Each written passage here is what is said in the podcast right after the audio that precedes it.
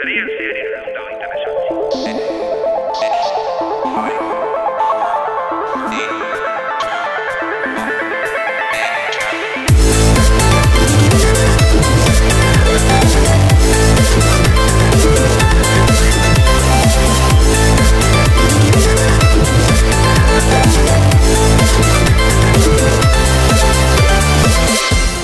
Hasi baino lehen, entzule maiteok kontatu behar dizuet e, sarean zehar hau bereziki kostatu segula e, ateratzea.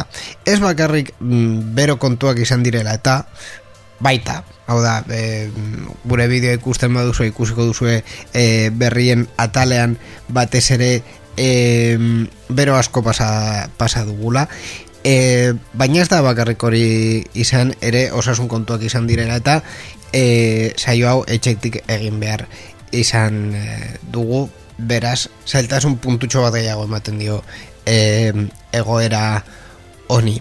Sarean zehar honetan ere mm, bi gauza berezik izango ditugu, ba, alde batetik borja bueltan egongo dela berrien atalarekin, baina ez dugu eskaren laguntza orengoz bastertuko azken egunetan e, bideojokoen aurkezpenak egon direlako e, Summer Game Fest ekitaldi horren barruan.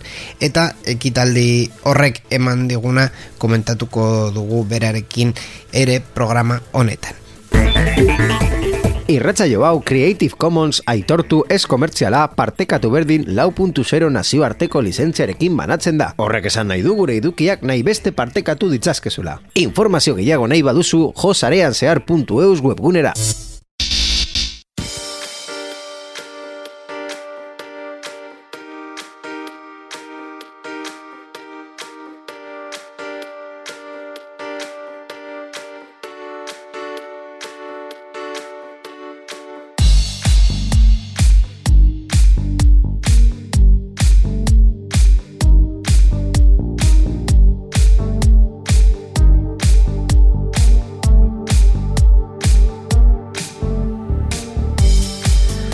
Esan bezala, saio hau, sarean zehar iruneunta hogeita mazortzi hau, e, nahiko arraro egiten ari dugu, kasuanetan e, bakoitza bere etxetik, bueno, ni nire etxetik konkretuki eta ikusten duzue, ikusiko duzue ere irudietan e, gure kolaboratzaileak e, bakoitza bere leku propiotik e, konektatzen ari dela, kasu honetan Borja Arbosa dago bere lantokian, arratsaldeon Borja.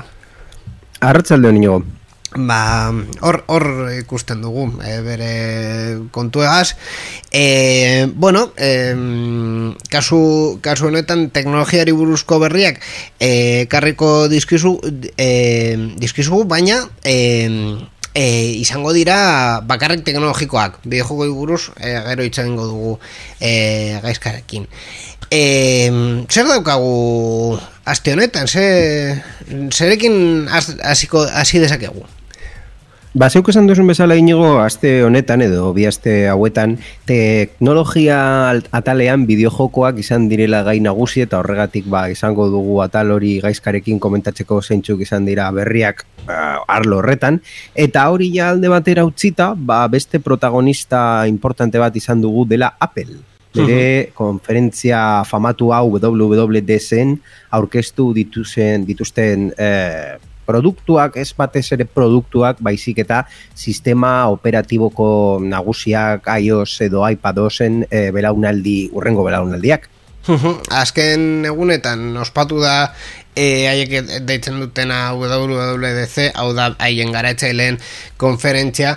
E, aurten gauzatxo batzuk egin dira presentzialkia peleko egoitzan, baina ez dira e, guztiak izan eta e, ekitaldiaren hasierako aurkezpena e, beste kasuetan bezala grabatuta izan da jendea zegoen hor apeleko egoitzan bideoa ikusten, baina bideo bat ikusten ari zuten, ez, ez zen ezer zuzenean gertatu, e, eta, bueno, normalean e, aurkezpen hauetan aurkezten dituzte, e, mm, bueno, e, sistema operatiboak. Hau da, e, urrengo produktuek izango dituzten software e, ezaugarriak. Gero hardware ezaugarriak eta hardware horrekin lotuta dauden ezaugarriak e, iraian e, jakingo ditugu e, iPhone berria eta bar aurkezten denean. Zeintzuk izan dira aurkeztu direnak, Borja?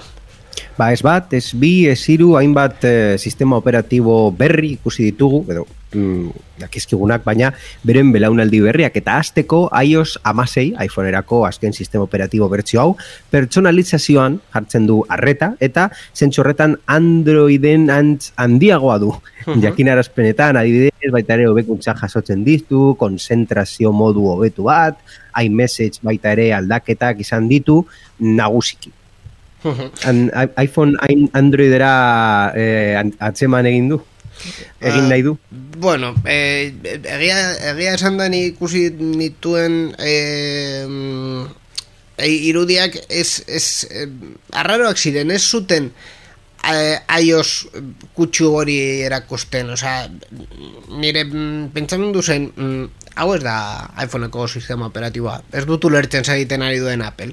Orduan, per, pertsonalizaziora eh, pertsonalizazioan sakontzen badute normala da e, sistema operatiboaren itxura nahiko, nahiko aldatzea.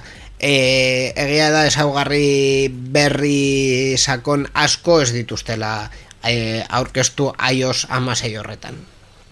Mm Ba bueno, erronda jarraitzen iPad OS amasei, e, Appleek azkenean iPad OSekin aurrera pauso bat ematea, erabaki du, iPadaren sistema operatiboa Mac OS ant handiagoa izan desan. Bai. Berrikutzen artean, ba multitask tarea berri bat eta aplikazioen lehioak bir dimensionatzeko aukera nabarmentzen dira. Adibidez, produktibitatean hor mm, lupa jarrita.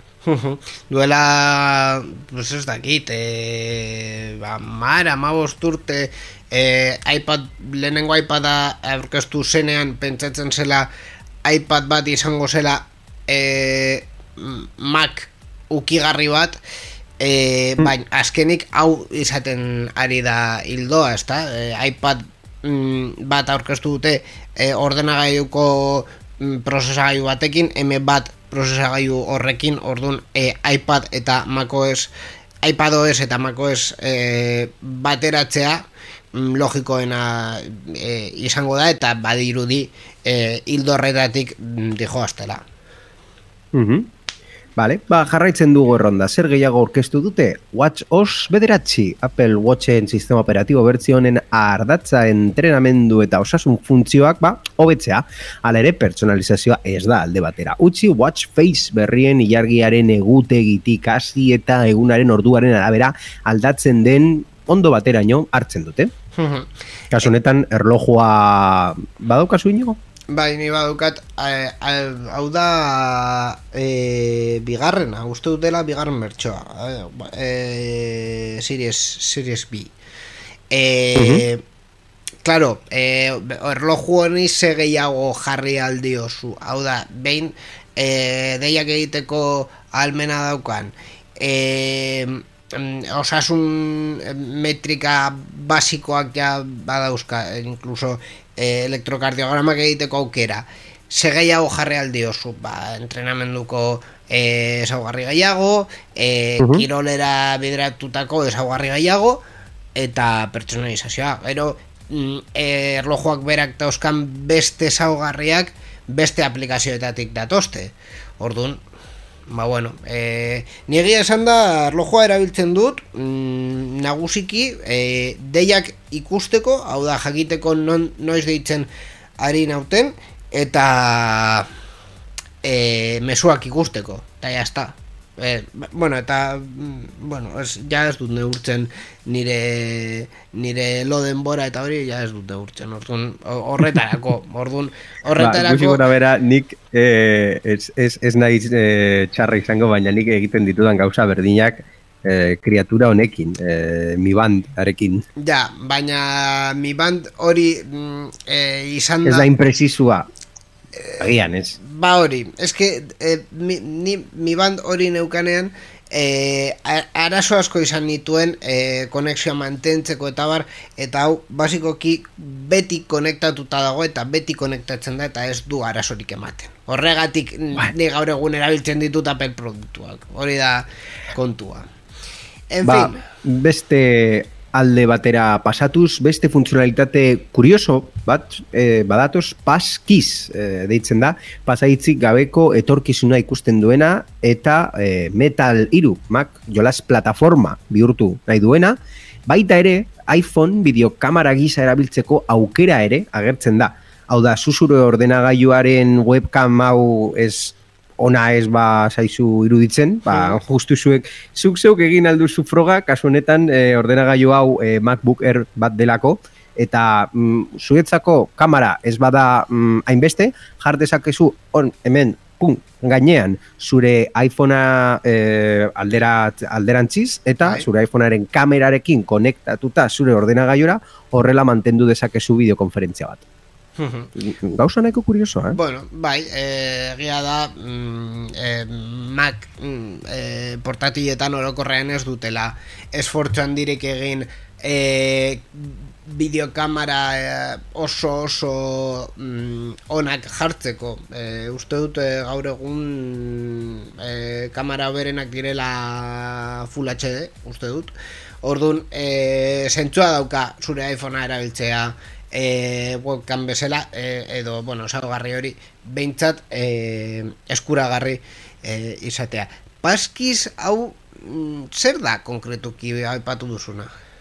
Bana, Paskiz da sistema bat zure e, pasaitz guztiak leku berbera batetik, batekin kudeatzeko eta bestelako sekurtasun sistemak erabiliz. Kasu honetan, ba, e, iPhone edo Apple erabiltzen dituen segurtasun sistema basikoak. Hau da, zure atzamarraren e, neurria edo zure e, Face ID, zure aurpegia. Hau da, ja pasaitzak gehiago ez erabiltzea e, eta Apple gainera ez dago bakarrik e, proiektu honetan, baizik eta Google ere baita ere aipatu du bere sistema, sekurtasun sistemak aldatu nahi ditu da eta pasaitzak ja alde batera utzi eta modu zentralizatu batean zu edo zein lekutan zure identifikazio sistema edo sekurtasun sistema pasaitza ez izatea.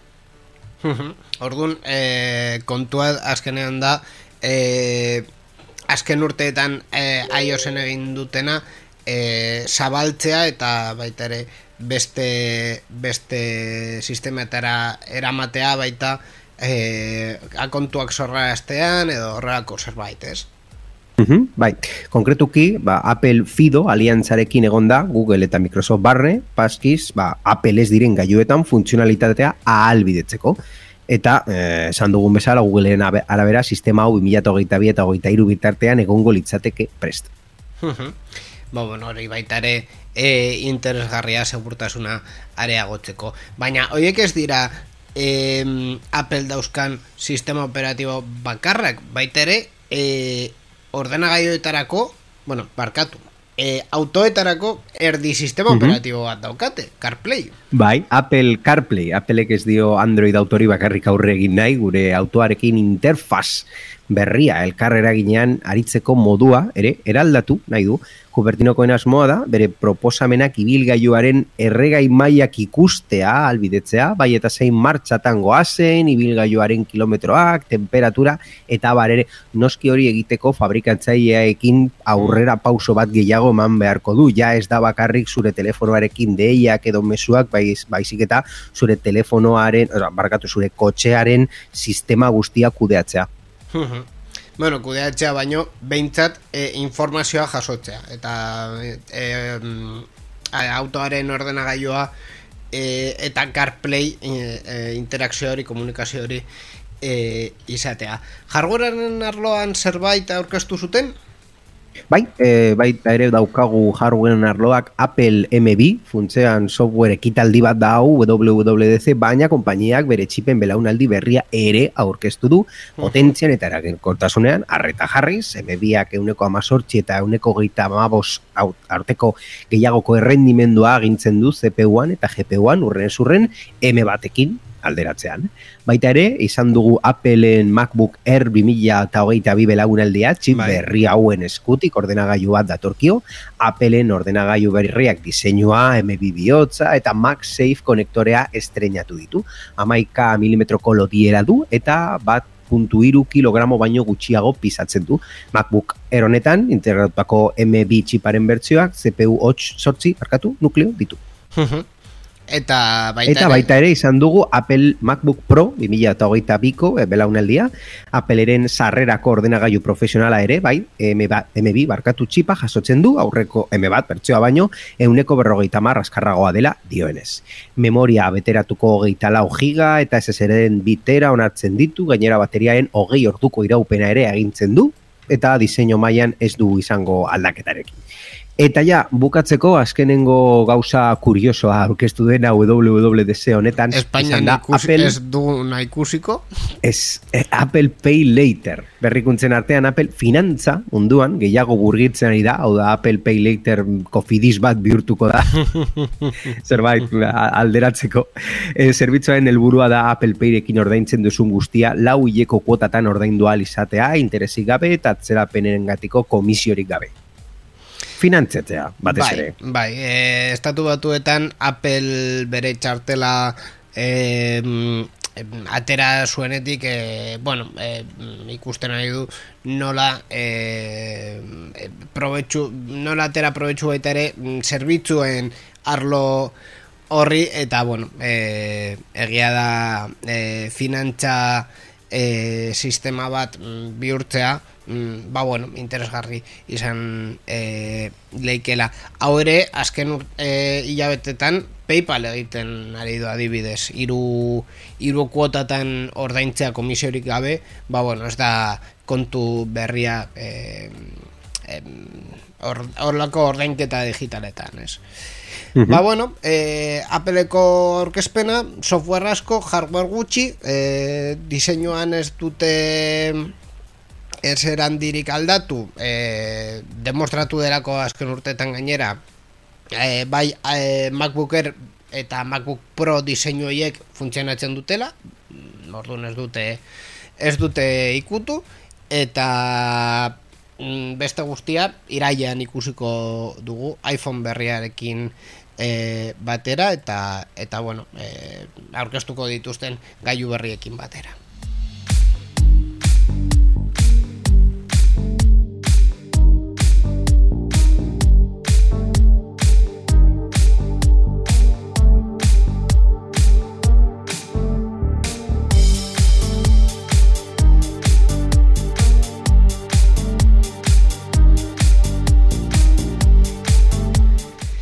Ez ditugu Appleko domeinuak alde batera utziko urrengo berrian, e, ez haiek mm, bereziki mm, bueno, e, paper bat daukatelako e, urrengo berrian, baizik eta e, e, berri honen hirugarren partea direlako. E, duela ja hilabete batzuk komentatzen dugula e, Europako Komisioak mm, martxan jarri nahi duela e, kargagailu unibertsal bat USB-C bidez, e, kargagailu hori e, azkenik e, onartu da eta 2008 lauan jarriko da martxan, e, Europar batasun guztian.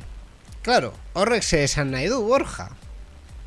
Horrek esan nahi du erresuma batuan ez dela horrela izango, baina, baina kontuz, ze erresuma batuan? Zeren gu dakigun erresuma batua erresuma da batu daude gaur. Ingalaterra, Eskozia, Gales eta Ipar Irlanda. Bai. Vale.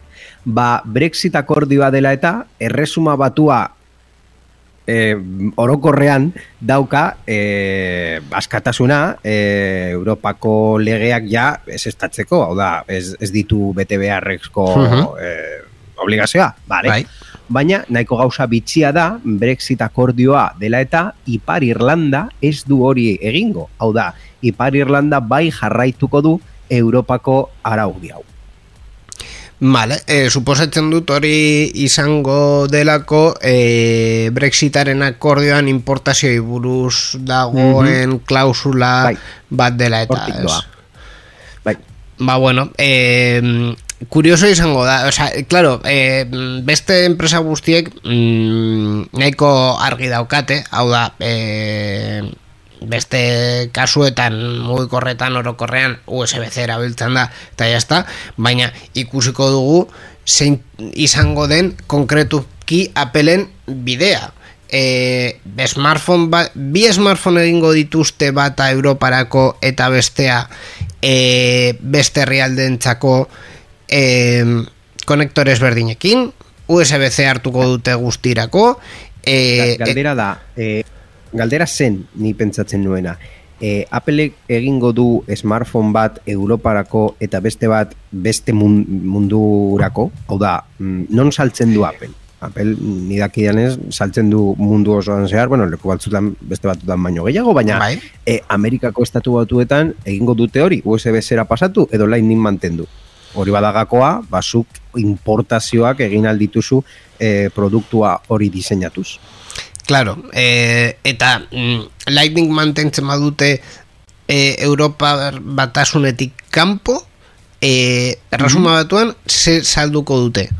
Lightning bertsoa... Amerikako modeloa, bueno, Amerikako... Bueno, a ver, claro, Amerikako modeloa... Amerikako modeloa.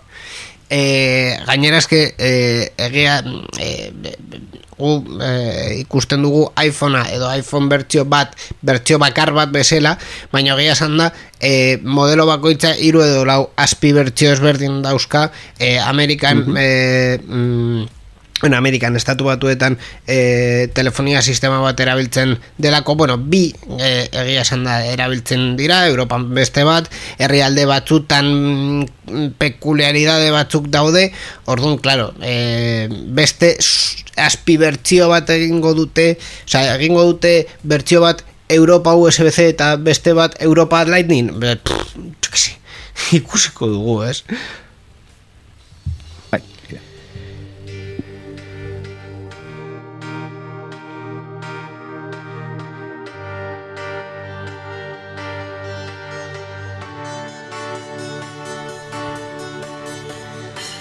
Appleen kompetentziari buruz e, hitz egiten eta kasu honetan aldatketak nahi dituen kompetentzia e, Microsoft dela e, dirudi. E, dirudien ez, bueno, presionatu nahi dute e, disko gogorrak alde batera usteko eta e, mendik aurrera SSD diskoak e, izateko ordenagailu guztietan.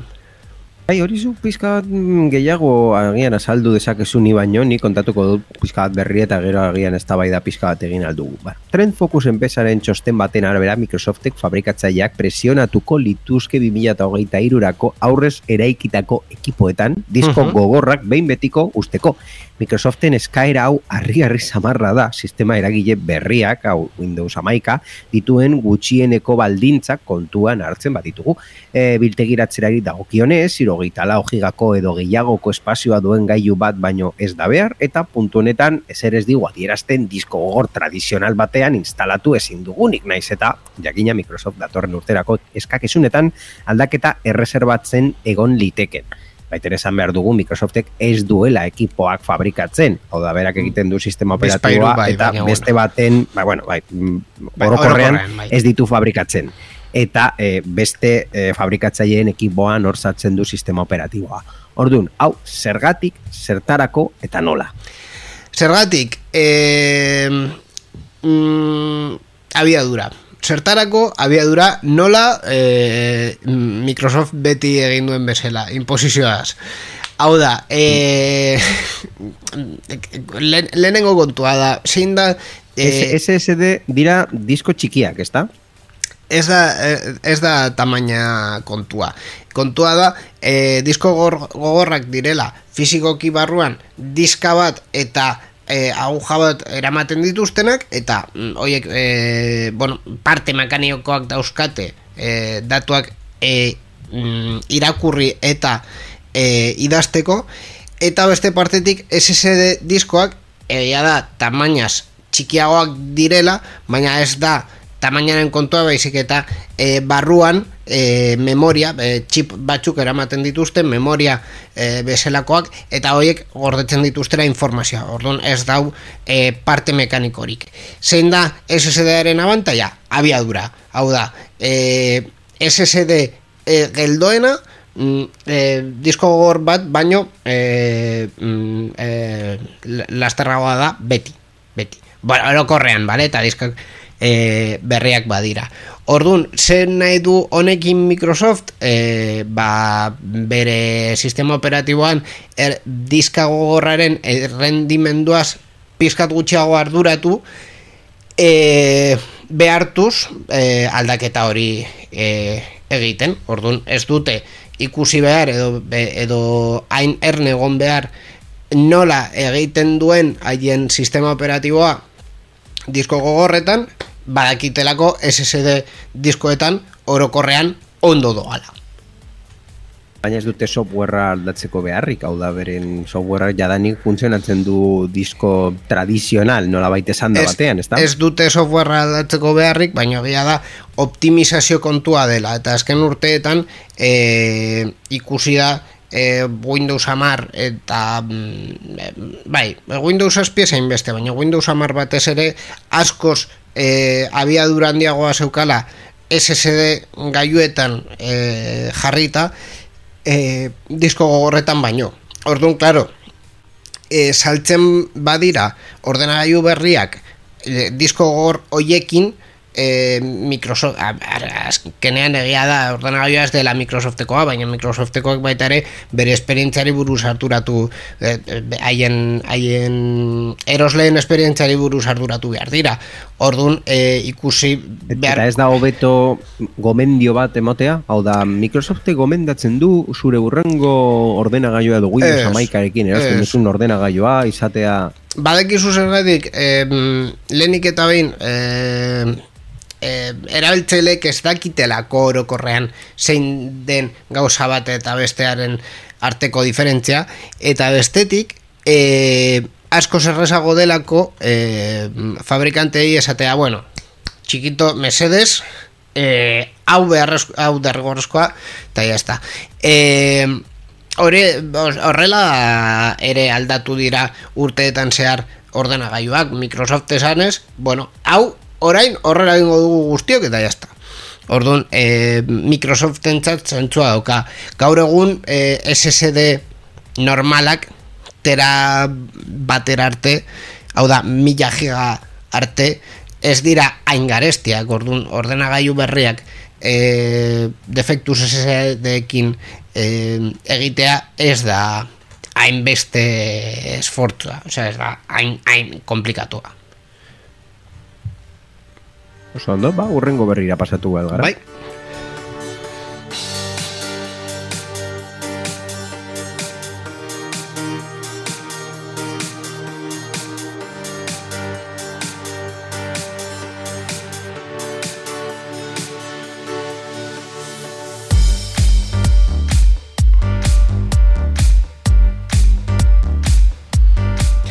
Bueno, ba, berrien atalan e, minutu gutxi geratzen zaizkigu, e, beti bezala titulo egingo dugu, baina e, titulo egin baino lehen, e, gure azken berria izango da, e, enpresek ezingo dutela e, minutu asko e, itxaron aldi horretan, haien e, izan, legez gainera. Zenbat aldiz gertatu zaigu inigo, e, bezero, atentzio, arreta, telefonora deitzea, eta hor minutuak eta minutuak eta minutuak motea itxaroten norbait pertsona batek gutxienez e, beste, beste aldean aurkitzeko. Bai. Ba bueno, Espainiako gobernuak horrekin bukatu nahi du eta bezeroentzako arreta zerbitzu legearen aurre proiektua iragarri du eta parlamentuan boskatu beharko da, onartzeko. Araudi horrek dakartzan berrikutza ugarietako bat, enpresak bezeroi gehienez ere iru minututan arreta eman behar izatea da. Gainera, erabiltzaileak edo zein unetan eska dezake giza operadore baten arreta. Horrela, legeak esartzen duen ordutegian bezeroei arreta emateko prest dauden teleoperadoreen kidego bat izatera behartzen dira konpainiak. Horrek ez du esan nahi, ezin dutenik sistema mekaniko horik erabili, baina sistema hori ezingo da erabili iru minutuko gehieneko epea baino gehiago. Gainera, gora beraren bat gertatuz gero, gehienez ere bi ordutan erantzun beharko dut. Hau da, e, ez, e, sistema mekaniko hori ezin dizu e, menu batetik em, eraman iru minutu baino gehiago denboraz. Em, duela gutxi eh, anekdota kontatuko dizu duela gutxi eh, nan eh, txartela eh, berritzeko eh, zitaskatu nuen eh, ez daki zergatik sistema garratzaldeko zazpietan ematen zidan zita bat eta ni pentsatu nuen hau ez dago ondo. Osea, nanak arratzaldez ematen dira bai, bilbon bai, baina ni ez nekien.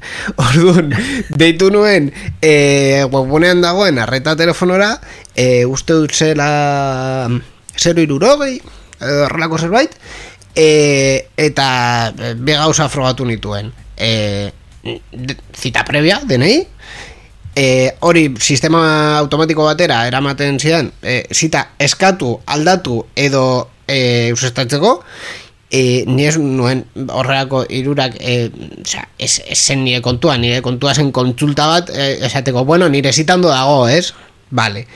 Eta beste aukera izan zen beste froga izan zen. E, pertsona batekin hitz nahi dut sistema nahi antzuna badakigu pertsona batekin hitz egin nahi duzula. Baina mesedez, oh. esan zer Zeri buruz e, itzegin nahi duzun? Zita probea denei. Eta sistema berdina bideratu Zidan e, Pertsonik gabekoa. Orduan, Espainiako gobernuak Hau aurrera eramaten badu Mesedes e, Os aplikaiz el cuento Compañeros. Terita Ba, ni, ni bakarrik gauza bat esango dut berri honekin lokendoko akzioak beherakada handia izango dutela. Hambre, hori argi eta garbi dago. Ba, bueno, e, berri hau komentatuta, guazen, e, gure berrien azken berrira, titulol. Titulol. Bueno, titulol kinder sorpresa bezala den berria da. Ez, ez dut inoiz eh, komentario hau egin titulol bat eh, asterakoan. Arraro, ez? En fin. Bueno. titulon kinde sorpresa bat bezala da, ni badakit. Hor dagoen baina ez dakit zer daukan e, barruan. Eta zer daukan barruan bai, badaki titulon egin duena. Bueno, bera ez du idatzi baina bera bai hautatu du borja, zer daukagu gaur? Ba, Forrest Gumpten txokolatesko kutsa hau bezala, e, titulol gaur ransomware buruz hitz egingo du. Uh. Badakizute, ransomware da software hori maltzurra, zure ordenagailua enkriptatzen edo blokeatzen duena, uh. eta e, rekompensa ekonomiuko bat eskatzen du, ba, sekuestro bat e, zure ordenagailu bas. Bai. Baina, e, ransomware forma berri bat e, agertu da, eta forma berri hau goodwill, e, borondatezko ona izenez, baitatu da, eta e, Cloudset sekurtasun enpresak duela gutxi aurkitu du. Ransomware malware mota hau, ba, erabiltzaile mm, dokumentu fitxategia eta hori zifratzen du, bai. eta beren estortzioa da e, akzio on bat egitea. Ah. Hau da, Robin Hood bezalakoa ez du dirua eskatzen, baizik eta e, destifratzeko klabe lortzeko, ba, hiru akzio on egin behar dituzte, eta akzioiek grabatu, eta bere sare sozialetan publikazioa egin, eta beste pertsonei animatu baita ere akzio on bat egitera. E, eta behin hori e, ransomwaren erabiltzailera, e, sortzailera, bidalita, ja desblokeatzen dizute mm -hmm. ordenagailua. Bai. Ba, adibidez, jarreko dugu adibideat, biktimek behar, bete behar zuten lehen zeregina e, pertsonei arropa eta mantak ematea, izatea, e, pertsona diru gutxi daukaten pertsonak, noski, geroago, amairu urtetik berako bost umeri jan eman behar zieten Domino's, KFC edo Pizza Hut batean, eta otorduaren ondoren selfie bat atera behan zuten beraiekin, e, eta azkenik biktimek norbaiten ospitaleko faktura ordaindu behar zuten. Oso, oso amerikarra. Batuetan hemenez. Claro. E, hau da, ospitale bateraino joan behar zuten, bertan zegoen paziente batekin eitzegin, eta faktura mediko ordaindu. Uh Bueno, eh, originala ez da jakin nor sortu duen eh, malware hau, ez? Ransomware hau. Ez, ez, ez. Begira. Ba, bueno, eh, original, originala mm, berria. Ba, orain orduan berrien atalau, eskerrik asko borja berri interesgarri hauek eh, kartzeagatik. Eskerrik asko zuri ere inigo eta entzule guztioi, ba, urrengo saioan entzungo gara. Jarraituko dugu ordun, segundu gutxitan, e, gaizka karmonaekin, Summer Game Fest buruz hitz egiteko.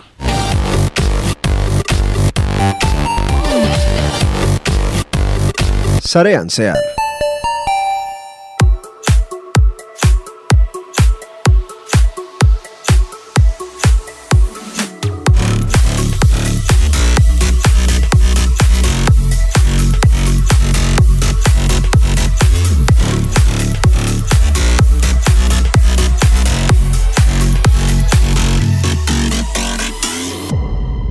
Zarean zehar irureun eta hogeita mazortzi honetan, e, pasaren programa egin nuen bezala, e, bideojokoi buruz itzen dugu tartetxo batez, e, azken asteetan eta azken egunetan, e, berri asko egon direlako e, bideojokoen munduan, ospatzen ari da este, e, Summer Game Fest e, ekitaldia, eta horretan, e, pasaren programan komentatu genuen State of Play, e, ekitaldia aparte beste aurkezpen batzuk izan ditugu.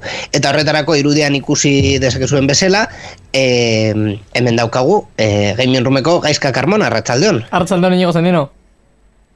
Leni, bueno, eh, pasaen programan uste dut ez genuela komentatu sakonez seri buruz di joan eh, Summer Game Fest hau eh, kontu azkenean da eh, eiruaren ordezkoa dela, ezta? Basikoki bai, hau da, e, jendeak izatez gazteleraz esaten duen no E3 honetan ari gara orain, Summer Game Fest honetan, eta izatez da hori, eiruaren, e, eirua ordezkatzera etorri den ekitaldi izan ere urte honetan eirua ez da ospatuko, eta suposatzen da urrengo urtean bueltatuko dara e, formatu hibrido bategaz, baina ez dakigu orain dik zer esan nahi dauan horrek. Orduen momentuz dekoguna Summer Game Fest da, eta, eta horretan ari gara. Uh egin, egin diren aurkezpenen artean e, bueno, e, gainera gubiok eman ditugu batzuk zuzenean e, batzuk onak izan dira beste batzuk neko txarrak e, PC Gaming Show beste kontua izan da. Eta zure sorterako zeuk ez duzu Devolver Digital Guerrilla eta Wholesome ikusi Baina nik bai, nik ikusi bueno. dola zirurak Eta ez nitu ikusi behar izan. Iruzkinik ez. Dena den, Dena den, e, zentratuko gara e, titulo handietan eta aurkezpen handietan Xbox duela egun batzuk egin duelako bera aurkezpena. Eta baitaren nahiko ondo gondena izan da Capcomeko aurkezpena beste e, ekitaldietan edo beste aurkezpenetan ikusi genuena e, zabaldu zutena. Ni orain, orain egin behar duzu, bai. benetan egia esan behar duzu, eta esan behar duzu, zeuk Capcom itxaro zenuen e, nik gerrilla itxaro nuen bezala. Hau da, eser. Espero zenuen izatea txarra ez, urrengoa. Ez. Eta esango dizut, eta esango, esango dizut zeugatik. E, ikusi nuen bere e, aurkezpena hasi baino lehen zein zen planteamendua hau da nola Capcom aurkezten zuen bere ekitaldia mhm. eta argi geratzen zen ez zirela kontu berriak aurkeztuko baizik eta e, mm, ikusi genuenaren mm, zabalera bat eta, eta lusapen bat izango zela Ordun planteamendu horrekin hau da argi eta garbi geratzen bada hori dela aurkezpenaren planteamendua e, ba, sekulako aurkezpena izan zen. Eta e, gainera, eta gainera bukatu, bukatu zuten oso alto, eh? Oso oso alto. Bai, bai, e, eman ziguten justu esan zutena. Eta ez gehiago. Zuzenean, bai, bai, bai. E, nik zabalduko, zabalduko doda zemen, e, aurkeztutako jokoak Xboxen, bereziki, desatzen jatalako. Eta deko guzelako, ba, gaming romeko gidoian. Osea, mm, tal cual. Uh -huh. e, lusatu, bueno, e, komentatuko ditugu batez ere izen handiak, vale? E, aurkezpen asko dira eta joko asko aurkeztu aurkeztu dira, baina zentratuko gara e, ziurrenik publiko orokorrena e, urrengo hilabetetan ikusiko eta jokatuko duen, vale? Az gaitezen. Venga, aurrera. Hasiko gara Minecraft Legendsekin e, ikusi dugun joko berria Minecraften e, titulu mm, obvioa badiru dire e, aurkitu dugu mm, e, atal grafikoan e, aldaketa nabari bat pasatu gara pixel art oso oso markatu horretatik, kubo oso oso markatu horietatik, e, agian low poly batera edo antzeko zerbaitera, norbaite korrela ditu nahi badau, eta ez dakigu zehazki zeren inguruan dioan joko hau, baina ikusi dugu nahiko PvE ikusiko dugula, eta agian Battle Royalen bat, edo... Zer, itxaron duzuzuk eh, Minecraft Legendsen inguruan inigo? Mm, imaginatzen dut izango dela eh, ba bueno eh, PV esan duzuna eh, eh, mapa edo entornoaren kontrako eh, joku bat non sakonduko duten eh, Minecrafteko eh, eh, enemigoetan edo eh, lore esan dezakegu lore horretan eh, basikoki akziodun joku bat emateko Herobrine espero hori duzu, dut. Herobrine espero duzu. Zer? Herobrine espero duzu. Ez dakit zer den hori Inigo, Minecraften lorearen inguruan, eh, zer da Herobrine? Ideiarik ez. A ber, ni suposatzen dut, be, hori izango dela. Hau da, e, pertsonei berriak eta enemigo berriak jarriko dituztela, baina eh, ez, ez dakit zeintzuk diren Minecrafteko... Inigo, falta eh, zaizu YouTube 2000 pertsonei. mabi. Falta zaizu YouTube 2000 mabi. Falta, falta YouTube, YouTube bi amabian eh, em, ikusi eta jokatu nuen Minecraft asko, baina ni egiten nuen esplorazioa eta e- eta nire etxea ba, batez ere eh, minerak em, em, jaso egiten nuen. Hau da, Mehatxaritza, bai. Eh, Ba, mehatxaritza, egin, egiten nuen etxe txiki bat, eta etxe horretan, e, mm, zulo bat egiten nuen bera eta bera eta bera, e, mehatxaritza egiteko, punto. Zuzenean. bai, Minecrafteko loreari buruz, Bueno, ba, eh, ez baduzu ezagutzen zein den, zer, zer den Herobrine, eh, bilatu alduzu eh, YouTubeen aurkituko dituzue milaka, milioika bideo. Eh, aurkitu, aurkeztu zitzaigun baita be Scorn, eta gehien gustatu, bueno, ez, ez gehien gustatu zerena, baina bai onenetarikoa, izan zen Overwatch B, amaieran eman ziguten zuzenean, em, bai data, bai e, data izan zela e, e, urriaren lauan, atrako dala, early accessa, eta baita be, e, esan ziguten izango zela free to play, eta hau da asko espero zuten zerbait, hau da, e, Overwatch B izatez, hasieran egon ziren espekulazio pila bat, izango zala e, historia modua edo dena dalakoa edo kanpaina Overwatch bat jokorako, izango zala DVD berri bat, joko berri bat, ez dakigu zer, ez dakigu bestea. Izatez, hartu dute Overwatch, em, modifikatu duten nahiko, ba, hori HUD aldatzeko e, grafikoak, ba, 2008 bira em, e, gaurkotzeko eta bar, eta e, zuzenan esan dabe, bueno, ba, e, multiplayerra, PvPa, izango da, e, doainik. Eta ez duzu ordaindu behar izango. Izango duzue kanpaina modu bat, eta hori bai ordaindu beharko dela, izango dela DLC antzeko zerbait edo, baina multiplayer modua ez da e, ordaindu behar izango, sentimo bat ere ez, jokatu alizateko inigo, zer uste duzu honen inguruan? Bueno, eh, azkenean doako jokuak izatea. Eh, Nahiko ondo dago eh, Ez badute mm, eh, Loot boxes edo reagoak. Egongo direz, egongo direz. az, az, Asko Asko Sustatzen, edo, esan nahi dut.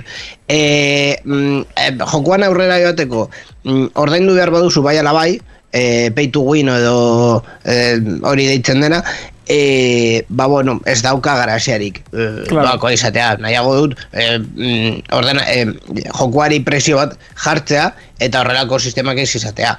Baina bueno, e, orokorrean pinta ono zeukan. Overwatch baten e, lehenengo, lehenengo entregaren e, hori ba bidea jarraitzen badute e, lootboxak kasu honetan dire ba skins eta antzekoak lortzeko hau da e, e, benetan e, aurreko, aurrean duzun jokalari esan alizateko behitu e, mm, izan dodaz bost urte honeta jokatzen eta utzi dodaz e, iru mila euro eta zeukez baina, baina karo, orokoran egiten dena kasu hauetan da e, lootboxak erosten dituzu denbora asko badramazu jokatzen. Orduan horiek dira e, modu bat e, aurrean duzun jokalariak ulertzeko, ba, denbora asko jokatu duzula eta horren ondorioz ona izan beharko sinatekela. Askotan ez da betetzen, baina alan dabe hori da teorian gertatzen dana.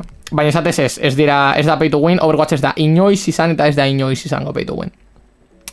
Ze gehiago lortu genuen, e, Bai. lortu genuen Hot Wheels eta Forza Horizon Bost deko War e, pues, kolaborazio bat edo e, eta baita be Forza Motorsport e, ikusi genuen Forza Motorsportan dauden grafikoak direzela beste mundu batekoak Osea, bai, bai, bai, bai, bai. inigo e, bueno, e, Forza Motorsporten grafikoak ni inoiz ikusi ditudan mm, grafikorik mm, Onenak. e, onenak izan dira. Apartekoak. Brutalak. Bai, bai. Em, zer gehiago lortu genuen? Ah, bueno, bai. Hollow Knight Silksong, let's go! Amaieran, guztiok espero genuen jokua, e, Hollow Knighten bigarren entrega, e, hasi nintzen ni pizkato jokatzen, gero gera- geratu nintzen hauz gabe, baina mm, totally worth it, esan behar dugu. E, bigar, bigarren entrega hau, e, arazo bakar bat izan zuen jokonek. E, gameplaya erakutsi ziguten guztiok espero genuena, e, ba hori, e, animazioa eta bar eta boss berriak eta metraje pila bat izatez. E, minutu batean metraje pila bat. Baina ez dugu datarik. Ez dugu datarik eta ez digute eman, Ja. eta ez digute esan noiz emango diguten. E, non dago nire data, non dago Silksong.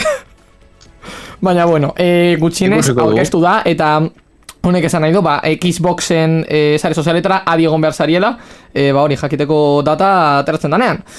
E, izan genuen baita be Gulong Fallen Dynasty e, eta personaren bideokoak agertuko direla, aterako direla, e, ba hori, e, e, kontsola berrietarako PlayStation Post eta Xbox Series X eta S eta baita be Diablo lau. E, hau izan zen nahiko nahiko, mm, hori babarregarria e, izan genuen momentua. Izan ere geneukan txatean e, Diablo sagaren fan absolutua den e, pertsona bat.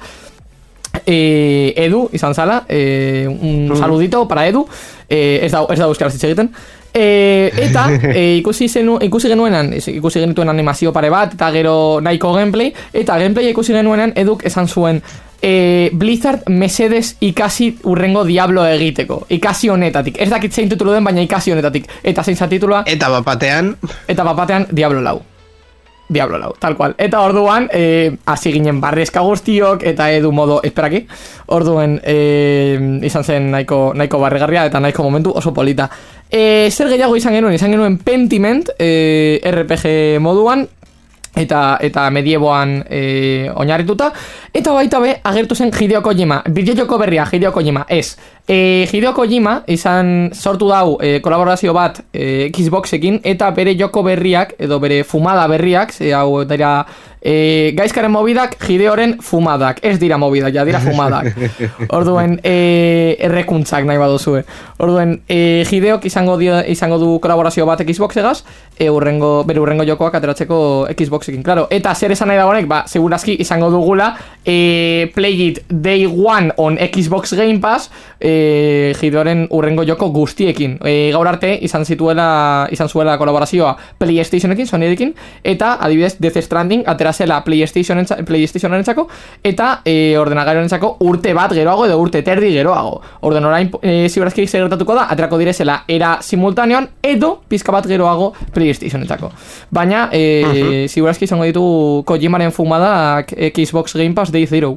Así que nahiko, nahiko ondo. Eta azkena, Javiri asko gustatu zitzaiola, un saludo para Javi también, eh, izan zala Starfield, eh, hori unibertsoa esploratzearen bideojokoa, e, eta, ba hori, niri izatez ez zaitazko gusta, ez zaizkitazko gustatzen bideojoko mota hauek, baina egia esan Egia esan behar da, eta e, bideojoko honek pinta oso ona deko batzen dituelako bideojoko asko egite dutena, hau da, nik ikusi dudaz, e, ikusi dudaz askotan, e, unibertsoan zehar bidaiatzeko hori bideojokoak, e, ba hori mm, nabeekin eta bar, eta ez zaizkit gehiago gehiagi gustatu. Baita ben No Man's Sky, eman barrio dela zeakera bat, baina mm, izatez hasieran bere ere ez zitzaidan asko gustatu. Eta baita be Idle, edo, edo sortzaileak, bideojoko sortzaileak, non adibidez sortzen duzun ordenagailu bat, edo zo bat, edo dena darakoa, eta kasu honetan izan daiteke baita be, e, nabe bat sortzarena. Ba, zer egiten da bideokonek? Batzen ditu irurak. Orduen, e, izan alko duzue, posibilitatea, sortzeko zeuen nabea, or- hau da, literalki, e, fumada absolutua. Osea, sortu alduzue zeuen nabea nahi duzuen diseinuagaz. Baina e, personalizazio nivel, e, personalizazio maila da Death Strandingekin egin alduzun berdina paketeak e, hartzerakoan. Atortu zula alde batera bestera kilogramo gehiago gutxiago honek e, alzaitu desestabilizatu edo antzekoak aldozu sortu zeure nabea joan unibertsuan zehar eta eltzan zerenan planeta batera egin zeure misioak eta guzti. Osea, hau da fumada absolutua eta gustatu jat pila bat literalmente. Eta esan zuten e, hau zela bideoko baten jarraipena edo, ez dugu goratzen berri zena, baina izatez e, nik uste dut honek daukala garrantzia oso oso handia e, bideojokoak pentsatzerako orduan, hau da dekogu alde batetik Forza Motorsport grafiko ezin hobeekin literalmente eta fizikak ja e, hori e, grafikoekin batera badoaz ezin dugu gehiago eskatu eta baita be, bideoko bat imaginatzerako aldean e, ezin dozu, ez dozula zergatik egin behar soilik hau edo bestea edo bestea, egin aldo da zara, irurak batera. Osa, nik uste hau dela pausu oso oso handi bat, benetan, bideokoen industriarako, bai grafikoen atletik eta bai jugabilitateren atletik. Eta e, hori zen zen gutxi gora bera Xboxen aurkezpenean ikusi genuen, ezta? Bai, gutxi, gutxi gora bera, hauek izan ziren garrantzitsuak, izan genituen ere beste joku batzuk, kokun adibidez, e, zeukara pinta nahiko ona, baina baina indien aldetik, e, zen hori, eta ez, eta ez iruak, irua jokoak, E, eta hauek izan ziren garrantzitsuenak. Niri galdetuko bazenit, esango nizuke Diablo Lau, Forza Motorsport obligatorio, Overwatch bi saiatu, saiatuko naz, saiatu ez, uh -huh. probatuko dot, atratzen danean, izatez izango darako free to play, eta e, Hollow Knight Silksong, orduen mm, nahiko, nahiko, nahiko ideia onak ditugu hemen, eta benetan Xboxek pasadan urtean eiruarekin egin zuen bezala zehazki, hartu du e, Summer Game Festa, eta altzatu du, baina guztiz.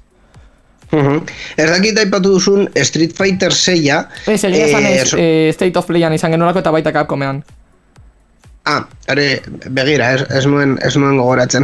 E, Capcomeko orkospenean, espero genuen Street Fighter 6 buruz gehiago ikustea. Eta esan agertu, bai.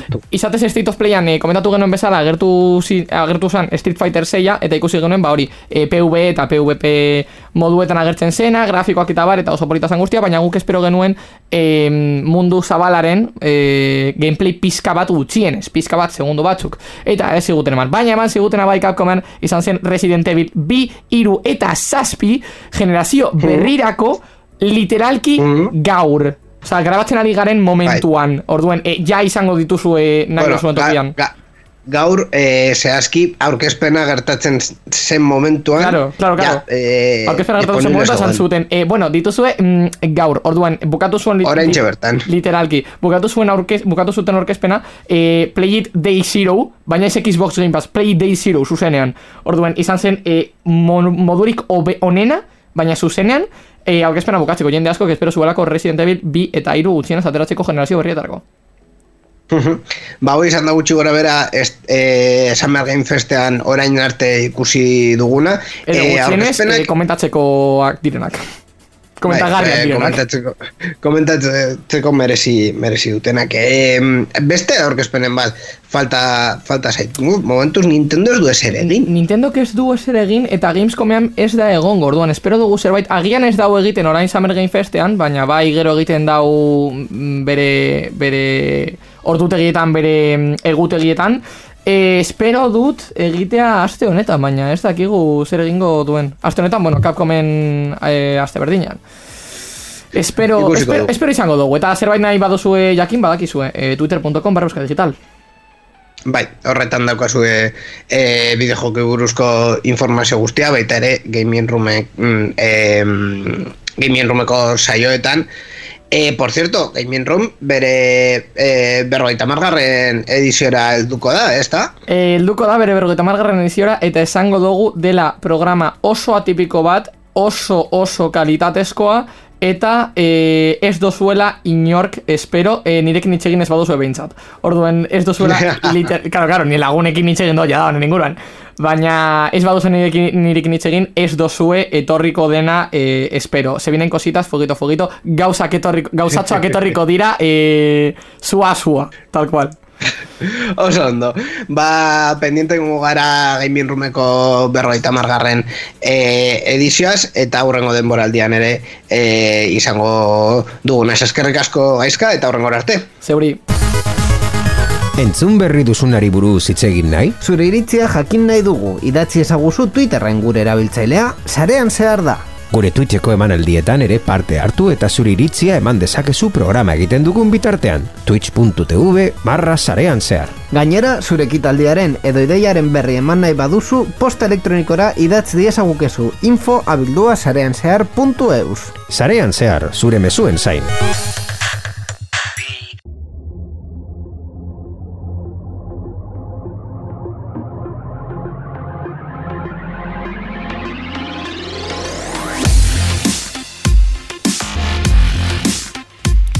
Onain hildu da zaren zehar irureunta hogeita mazortzi hau, e, teknologiaren eta bideojokoen berriekin e, pasa duguna.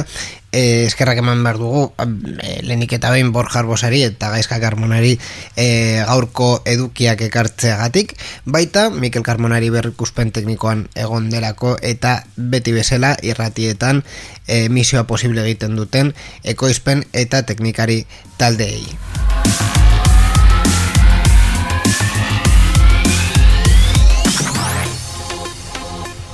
Bizaio bakarrik geratzen zaizkigu denboraldia bukatzeko, espero dugu e, lasaiagoak izatea eta, eta e, bueno, normalagoak izatea estudioan grabatuak eta bar, e, zaituko gara dena den, e, mm, izan, izan behar den formatuan izango da, bi aste barru, hemen zuekin egongo gara teknologiari buruz berriz hitz egiteko. Eskerrik asko zaio entutegatik eta hurrengora arte, agur!